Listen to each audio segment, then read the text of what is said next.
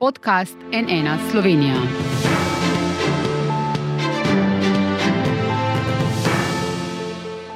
Dobro dan, to je NN studio. Konec agonije na RTV Slovenija ali samo razpustitev ustavnega sodišča. Prah po petkovi odločitvi o umiku začasnega zadržanja novega zakona o RTV se še ni dobro polegal, ko je prvo podpisani pobudnik za oceno ustavnosti zakona Petr Gregorčič že vložil pritožbo na Evropsko sodišče za človekove pravice. Kako to, glede na to, da dokončne odločitve še ni in kako zdaj naprej, ko novi zakon velja, kaj se obeta zaposlenim na javnem zavodu? Z mano v studiu sta poslanka Svobode, Mojca Pašek Šetinc, dobr dan, dobrodošli. Dobar dan. In dosedajni predsednik programskega sveta na RTV Slovenija, Petr Gregorčič, dobr dan, dobrodošli. Pozdravljeni. Pa začniva midva, gospod Gregorčič, vi ste danes skupaj s profesorjem dr. Matejem Aubljem uložili pritožbo na sodišče v Strasburu. Zato odločitev ustavnega sodišča pravite, da gre za nevaren precedens v evropskem pravnem prostoru. Zakaj? Poglejte, ko je trenutna oblast vlada v sodelovanju z zakonodajalcem, torej to sta dve od treh ve oblasti, eh, se pravi, sprejela ta zakon, najprej vlada ga je predlagala, državni zbor ga je sprejel, je ta zakon ex lege? Po samem zakonu prekinil mandate vsem članom upravljanja nadzora javne institucije RTV Slovenija.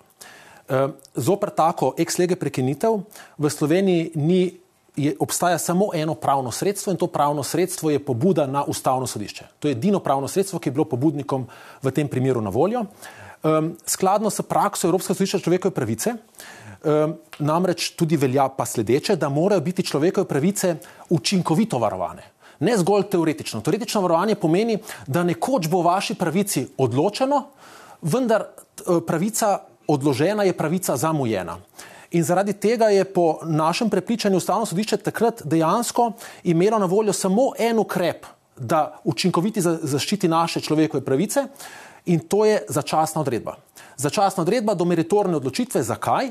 Ker če bi to začasno odredbo, vse smo videli, sprejelo že dva dni kasneje, bi bila za nas kakršna koli odločitev ustavnega sodišča, spravi problematična predsednica, ki je bila v našo korist, za nas povsem brezpredmetna. Ker bi naši mandati že irreverzibilno prenehali in v bistvu jih ne bi bilo več mogoče obuditi. In tukaj je ustavno sodišče v resnici ni imelo druge možnosti, kot da izda to začasno odredbo.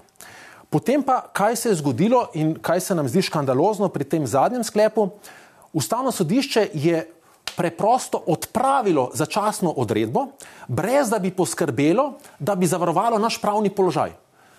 S profesorom Avlem smo se pogovarjali in ocenjujemo, da to je precedens ne v slovenskem prostoru, ampak v evropskem prostoru. Poglejte, jaz razumem, ta tema je izjemno politično in čustveno nabita, ker se govori o težavah na RTV Slovenija. Pa vendar morate vedeti, ko govorimo o človekovih pravicah, nosilci človekovih pravic so posamezniki. Bistvo človekovih pravic je človekovo dostojanstvo, ki pripada posamezniku zgolj zato, ker je človek. Tudi če ste vi ali če sem jaz ali če je gospa poslanka kriminalec, imate človekove pravice in morajo biti učinkovito varovane. Če niso, potem kršite civilizacijsko, evropsko in v bistvu zahodnega sveta normo. In zdaj, kaj se je zgodilo? Ustavno sodišče, da je ta zadeva še bolj škandalozna. Najprej ne povem tole, da smo mi. Ker se je to vse začelo puščati v medijih, na ustavno sodišče, na, jaz sem sam naslovil ulogo in sem rekel, da v primeru odprave mi mora dati pravico do izjave. To je pač ena izmed osnovnih pravic poštenega sodnega postopka. Ustavno sodišče ne le, da te pravice do izjave ni ponudilo, vendar je to zahtevo preprosto spregledalo, ker je niti ni navedlo v povzetku navedb. Tega ne sme narediti. Oni bi lahko rekli, sem jaz to dal, pa da mi iz tega razloga ni pripadala. Oni so pa to preprosto spregledali. Sam še tole, da bi povedal. Ustavno sodišče je pa na koncu najbolj škandalozno in pa sledeče. Ustavno sodišče je dejansko s svojim sklepom pojasnilo in ta sklep obvezuje, zapisalo je, da je v tej sestavi ne more izvrševati svoje ustavne vloge. To niso moje besede, to piše v sklepu. To je sklep, ki je večinsko stališče ustavnega sodišča in je reklo, da ne more več učinkovito varovati človekovih pravic. To pomeni, da so nam izčrpana vsa pravna sredstva in da nam je odprto pot v Štrasburg, ker človekove pravice morajo biti učinkovito varovane. Dobro, gospa Pašek Šetinc, v koaliciji ste v petek v prvem odzivu odločitev ustavnega sodišča pozdravili. Rekli ste, da gre za konec agonije in simbolno zmago vseh zaposlenih na RTV. Tudi vi ste bili pred vstopom v politiko del ena od njih, od zaposlenih in da naj se politični barbarizem in pogrom nad javno RTV konča. Kako v bistvu odgovarjate na besede besede gospoda Gregorčiča, ki pravi, da je ta odločitev ustavnega sodišča škandalozna, ali za ta barbarizem, o katerem govorite, obtožujete tudi njega in kako komentirate v bistvu to potezo, to pritožbo na SČP? Jaz najprej bom začela tukaj na koncu. Ne. Jaz menim, da ima vsak človek, ne, vsak posameznik če tako meni, pravico, da uh, izkoristi čisto vse pravne možnosti, ki so mu najprej v Sloveniji na voljo in potem seveda, če so te izčrpane, da se obrne tudi na Evropsko sodišče za človekove pravice, če uh, so res te uh, pač zadeve izčrpane. Zdaj tukaj razumem, da ste se že obrnili na Evropsko sodišče za človekove pravice za zaščito vaše osebnostne pravice, ki naj bi vam bila kršena s tem, ko se je z zakonom RTV Slovenija skrajšal mandat eh, programskega sveta, nadzornega sveta in seveda vodstva. Eh, RTV Slovenija eh, sama sicer se zdaj le ne bom utikala v pravni vidik in pravne zadeve zaradi tega, ker je v sklepa jasno, ne, da pač ustavno sodišče dokončno še ni odločilo o tej zadevi. Skratka, zadeva je odprta in verjetno se bo s tem moralo zdaj le z vašo pritožbo na SČP soočiti. Eh, Evropsko sodišče za človekove pravice ali bo vzelo obravnavo ali ne. Skratka, to je zdaj le na Evropskem sodišču in oni bodo o tem uh, presojali, kako daleč so vam bile zares uh, kršene osebnostne pravice. Sama osebno lahko pač v zvezi s tem zakonom uh, povem, da menim, da ni neustaven uh, v nobenem členu uh, in to se je seveda tudi presojalo na uh, ustavnem sodišču. Uh, o tem, kakšno je RTV Slovenija, si ljudje želijo, so voljivke in voljivci povedali uh, novembra na referendumu. 63 odstotkov uh, voljivk in voljivcev je menilo, da je zakon dober in da želijo uh, biti objektivno obveščeni, objektivno informirani, tako kot jim to gre v skladu z, mislim, da z 39. členom ustave. Um, še eno zadevo bi povedala. Rekli ste, da očitam gospodu Gregorčiču, Eh, politični vpliv ali pa politični pogrom. Politi Vprašal sem vas, če mu to očitate. Uh, v bistvu uh, ne gre za obtožbe, gre pa za očitek, seveda. Ne na zadnje, ta politični barbarizem lahko vidimo ali pa ga razbiramo v kadrih, ki so prišli na javno televizijo, v informativni program javne televizije. Mislim, da je postala eh, ena od urednic, ključnih urednic v dnevno informativnem programu Ksenija Koren. Prej je bila PR-ovka v kabinetu uh, zdajšnjega predsednika vlade, zdajšnjega uh, šefa glavne opozicijske stranke, ki vemo, kaj je tvitnil, uh, ko je uh, ustavno sodišče v petek uh, objavilo sklep, da uh, omika zadržanje zakona RTV Slovenija. Uh, Uh, je, da, rekel je v tistem tvitu, da se je uh, ustavno sodišče s tem ukinilo, da je to preprosto ena čaj vlada, hashtag državljanska vojna. Mislim, to je pač vprašanje za šefa glavne opozicijske stranke, če tako razume pravno državo in, pravno, uh, in uh, ustavno sodišče in sodišče v državi, da kadar mu neki sklepi in odločitve sodišč niso pogodu. Uh, jih je pa treba eliminirati in pošilja na, boj, na bojno in uh, vojno polje. Mislim, to je zame zelo problematično. Ne? Skratka, ne samo Ksenja Koren, direktor televizije ne, uh, Uroš Urbanija, šef UKOMA prejšnje vlade. Ne, mislim, to so vendarle, potem mislim, da še eden od urednikov je, delal, eh, je bil sekretar ali državni sekretar v kabinetu ene izmed ministric. Vodja kabineta, gospod Martin Nahtigal. Pardon, uh... tako, ne, skratka, to so neki vidiki uh, ali pa ljudje, ki so prišli neposredno na javno televizijo iz politike. Zdaj, če vzamemo moj primer, ker vem, da se mi bo očitalo, ne, da sem bila vem, politična nastavljenka, ne vem kaj vse. Ne, jaz sem 25 let bila profesionalna novinarka, komentatorka, urednica, ki sem se v enem momentu uh, odločila, da pač so mi večji izzivi, če novinarsko profesijo zapustim in se podam v politične vode.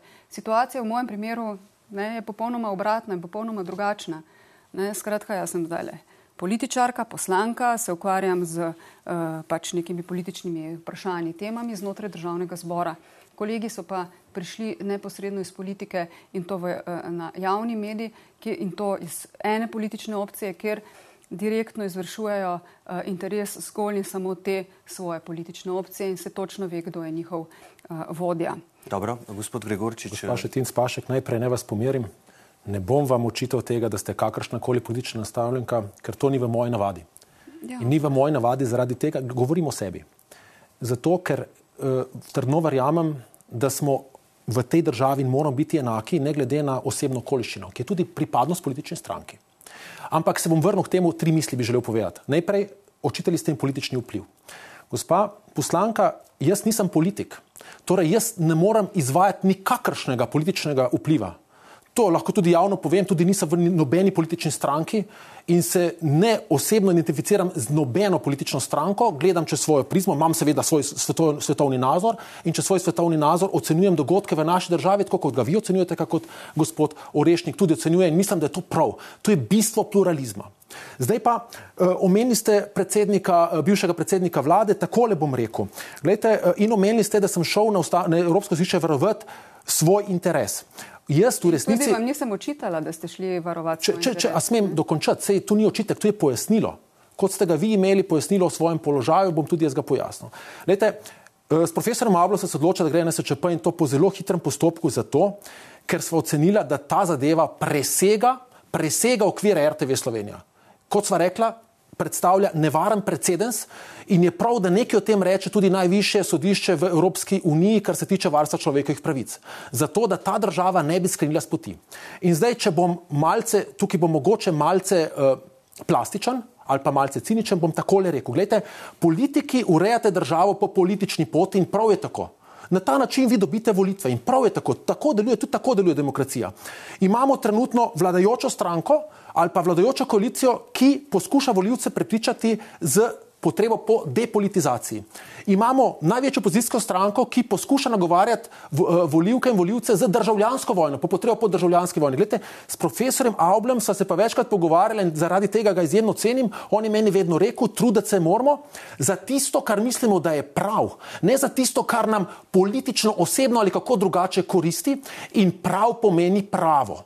In najn boj za boljšo državo je boj čez sodne mline, čez pravne postopke in v to trdno verjameva, ne verjameva v spodbujanje k državljanski vojni in enako ne verjameva v spodbujanje k depolitizaciji. Nič od tega ne verjameva, da lahko izboljša kakovost naše demokracije. In če smem samo še nekaj reči, eno besedo glede političnih nastavljencev na RTV Slovenija. Poglejte, lahko so kakšni vplivi, vendar dve stvari bi tukaj rekel. Ali se vam zdi pošteno, ali kako bi gledali, ko pride človek, objavite razpis, ko pride na razpis, da ga vprašate, katere politične stranke si. Se vam bi zdelo pošteno, če bi človeka na podlagi politične stranke bodi si sprejeli, bodi si izločili, bi to bilo istožljivo. Celo več, ker ste bila novinarka na RTV Slovenija, zagotovo poznate kolektivno pogodbo. In kolektivni pogodbi izrazito piše, da, se, da politična pripadnost ne sme vplivati na to, kje je kdo ali če je kdo ali ni kdo zaposlen. O njej se niti ne sme spraševati. Skratka, kdor bi spraševal, ali si ti SDS, ali si SD, ali si levica na RTV, bi kršil zakonodajo in kršil bi kolektivno pogodbo.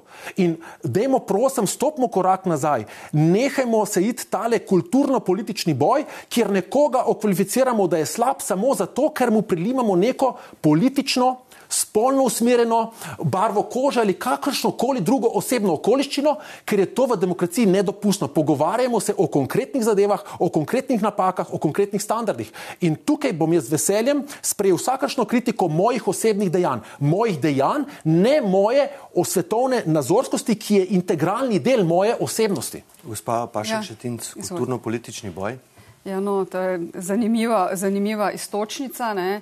Uh, bi, tako, bi tako rekla, vidimo, kaj, kam, kam je, priš, pri, kaj je v bistvu se zgodilo z javno RTV Slovenijo in kakšen je bil ta ne, uh, kulturni, ideološki boj uh, na javni RTV Slovenija v zadnjem letu dni ali pa zadnjem letu, pol, ne, ne vem natančno, kdaj ste vi začeli voditi datum, boste, me boste popravili. Februar lani. Februarja lani, se pravi leto in pol, odkar vodite uh, programski svet.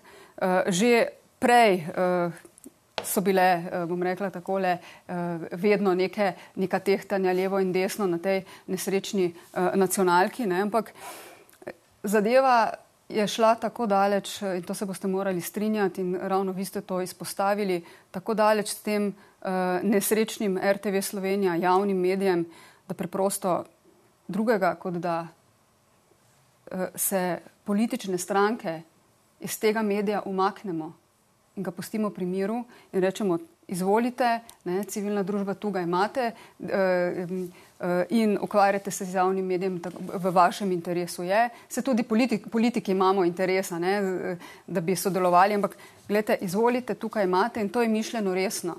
Kolikor jaz vem, je sestavljen že ali imenovan že 17-članski uh, novi svet, novi skupni nadzorni organ. Če se ne motim, uh, bo kmalo v enem tednu, dveh tednih končno ustanovna seja, da se ta svet dokončno konstituira in potem bodo pač uh, kolegi, ki, se, ki so bili zbrani v ta svet, niti ne vem, kdo so, pač začeli s svojim delom, uh, izvedli razpise, imenovali novo upravo in tako naprej.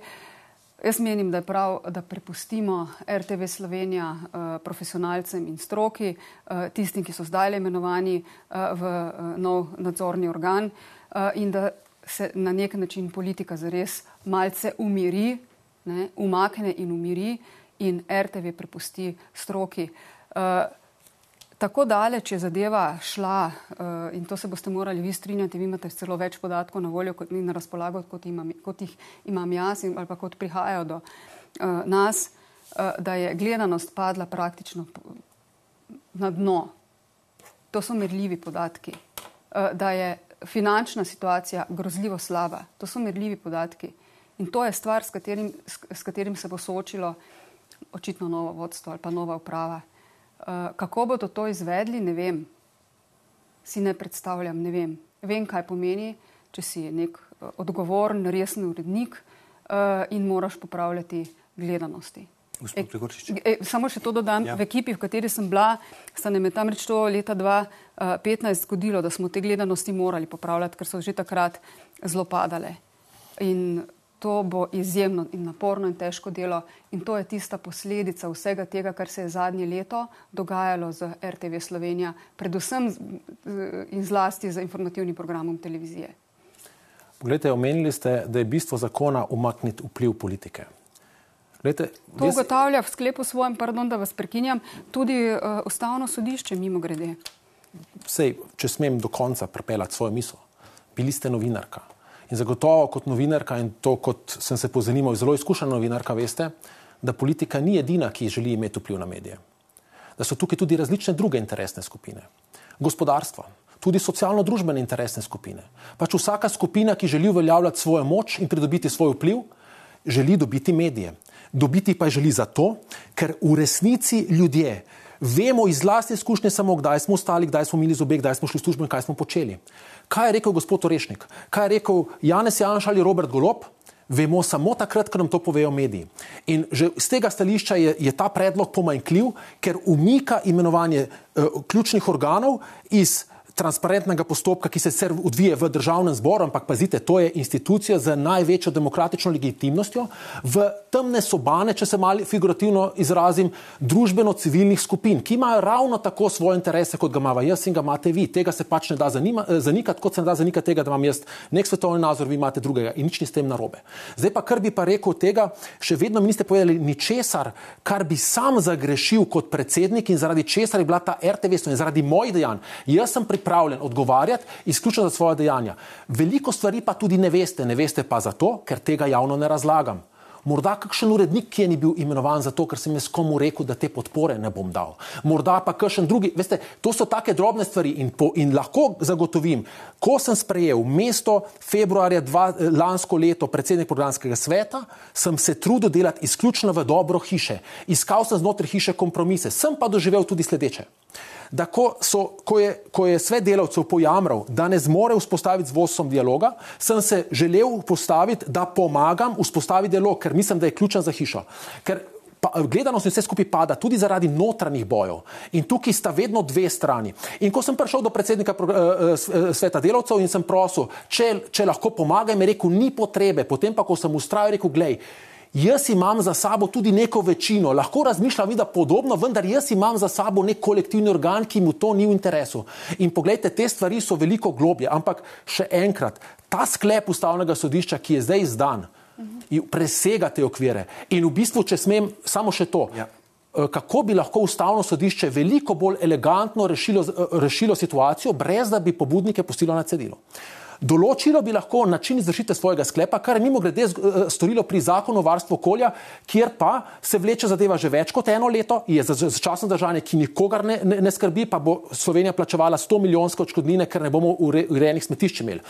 Eh, določilo bi način izvršitve tako, da bi se nam vrnili mandati, potem pa bi nas vi lahko v državnem zboru razrešili, pri čemer bi mi imeli zagotovljeno pravno sredstvo in sicer pritožbo na upravno sodišče.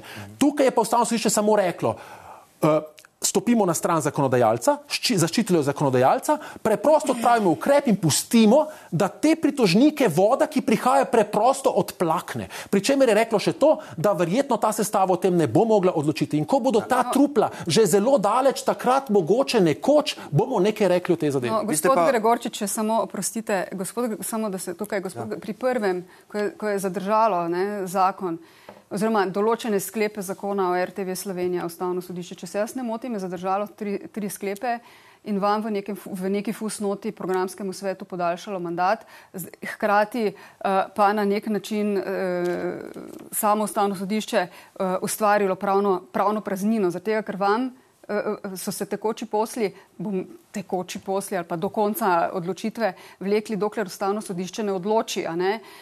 Veste, rekli, vam se je praktično že takrat, eh, prene, vam je že takrat smem, prenehal mandat, boste, boste. ko je v veljavo stopil. Ko je v veljavo stopil zakon. Ampak vi ste, vi ste gospa Pašek, v petek prav rekli, ne, da so se nekateri posamezniki zaželeli večnih mandatov. Ali to, torej s tem ciljate tudi na gospoda Gregorčiča? Ja, gospod Gregorčič ravno v tem svojem nastopu danes kaže na to, ne, da si je očitno to zaželel. In ustavno sodišče, če se ne motim, nekje v svojem sklepu navaja. Uh, da bi se lahko zgodilo ravno to, ker ta sestava ustavnega sodišča, in ne, tukaj pač uh, imate prav glede SČP-ja, ta sestava ustavnega sodišča, uh, ti ustavni sodniki preprosto ne morejo priti do te kvalificirane večine petih ustavnih sodnikov, ki bi lahko o vsebini zakona oziroma o vsebini uh, ustavnosti ali neustavnosti zakona odločali. In to v bistvu se na nek način uh, meče na, nasled, mislim, na naslednjo sestavo, ne, ki pa bo kdaj. Mislim, da leta 2025 ali nekaj takega če, se uh, zadeva spremeni.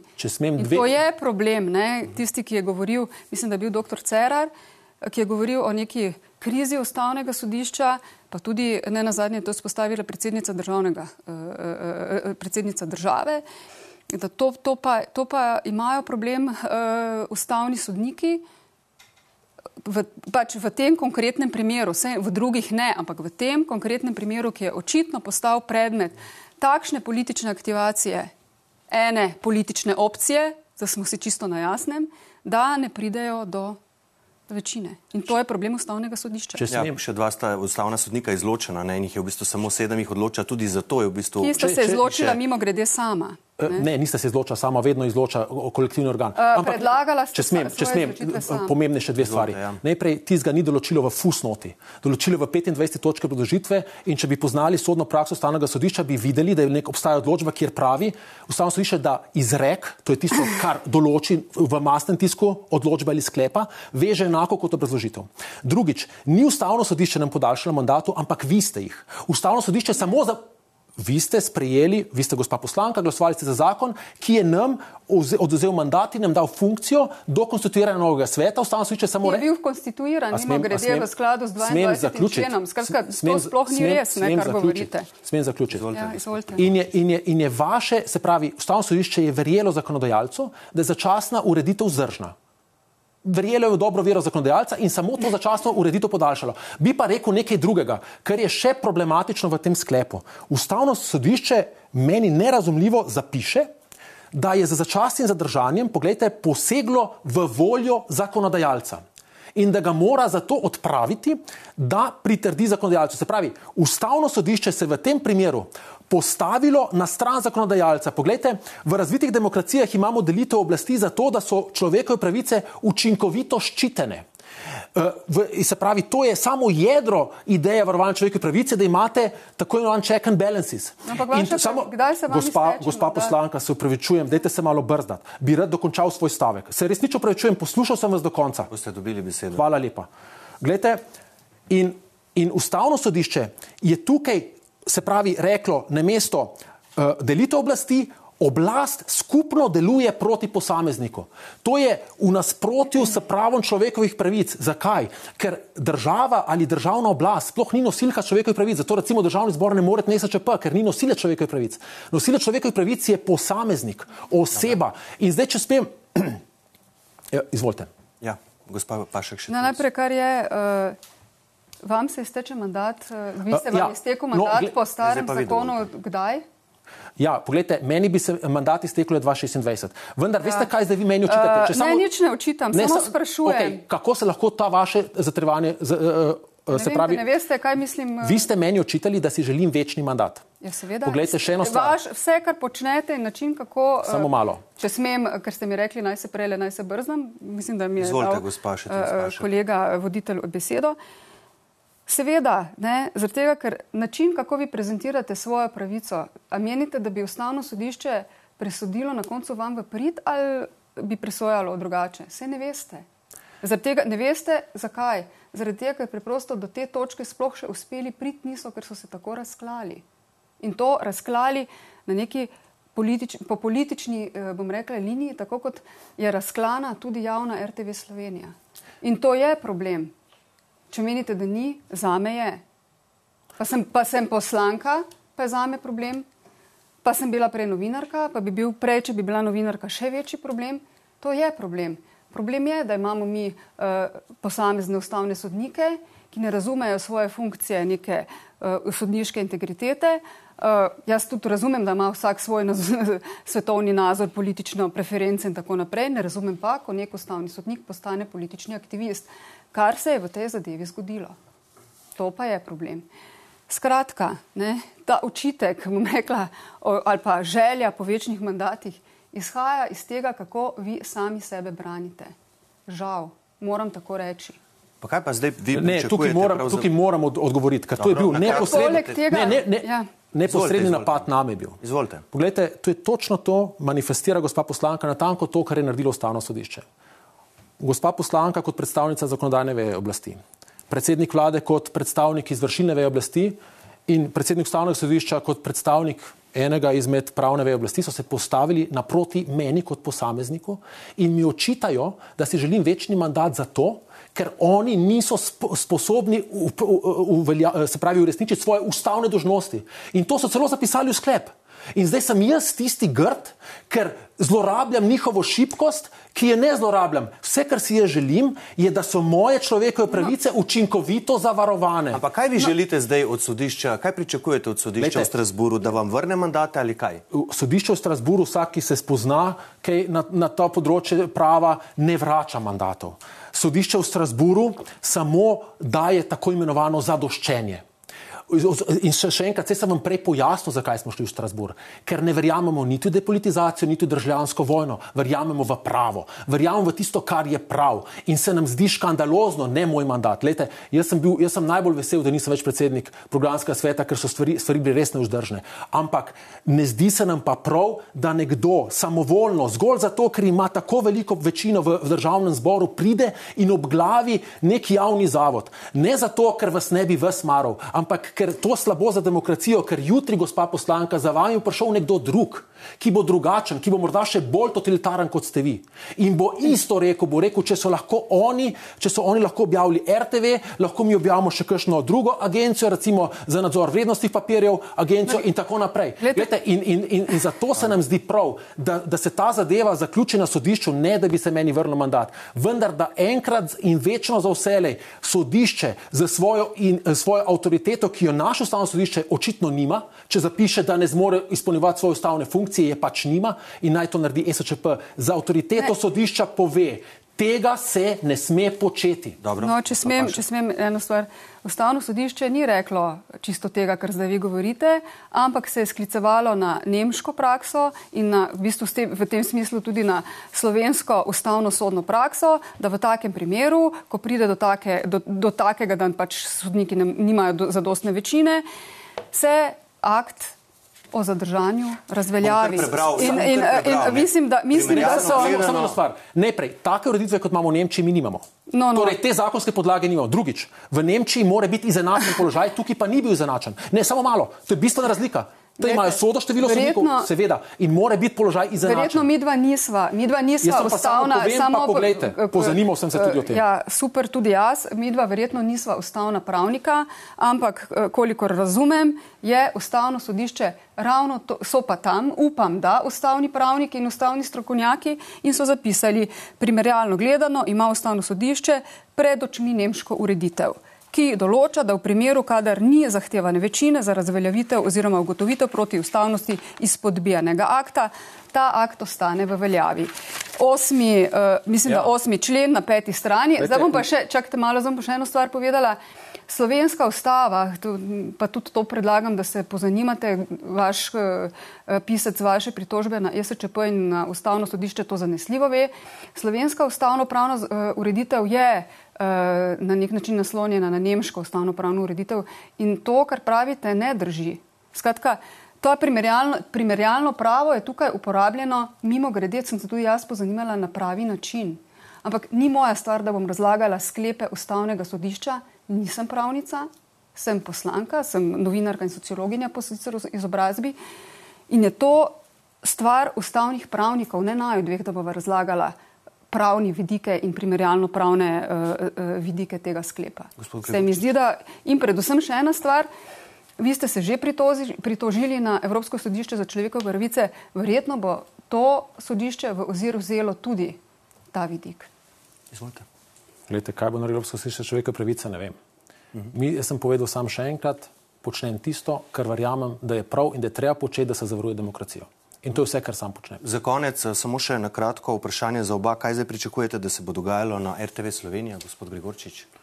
Na RTV Slovenija je zelo jasno, kaj se bo dogajalo. Se pravi, Ustavno sodišče je zelo jasno reklo, da mora biti v sedmih dneh sklicana seja sveta in takrat se zdaj svet konstituira. Sicer se ne bi mogel, če sem prav razumel, uh, sklep sodišča, ker so bili že objavljeni v uradnem listu in ta dogodek se ne more ponovno zgoditi. Mm -hmm. Eh, potem, potem je ustavno sodišče izredno zavarovalo mandat trenutnega vršilca dožnosti, ker je reklo v, iz, v, v, v izreku sklepa, da je njegov mandat v smislu zakona varovan do imenovanja predsednika uprave. Torej, če prav razumem, bo mogel nov svet objaviti razpis za predsednika uprave.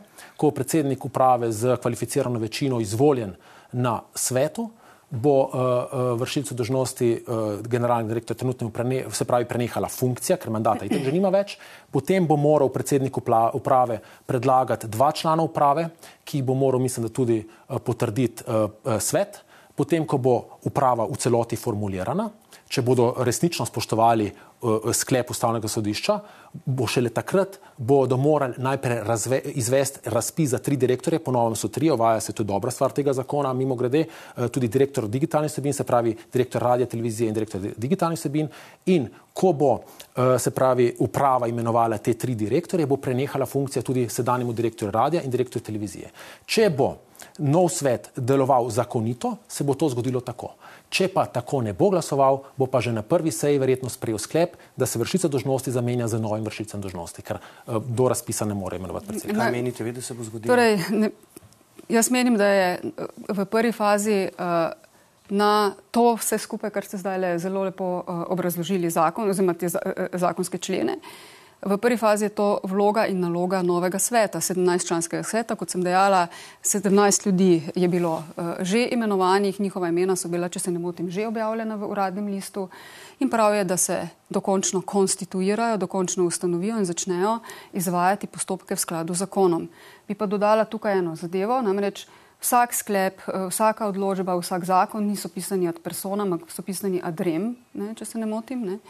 In v situaciji, ko imamo, pa ne vem, kaj bodo delali, pač eh, govorim to zgolj svoj, v, svoj pogled in svoje mnenje, v situaciji, ko imamo videja, ki je bil na mesto generalnega direktorja, prednji je postal vide, imenovan nezakonito in je potem sam izvajal neke nezakonite zadeve, ker je pač sodišče ugotovilo, da je pač potem on nezakonito razrešil direktorja oziroma direktorico televizije, se bi meni pač osebno postavljalo vprašanje, ali je taka oseba primerna biti vede, ampak še enkrat, jaz nisem na poziciji ne imenovanja, ne razreševanja, ne kadriranja, ne ničesar.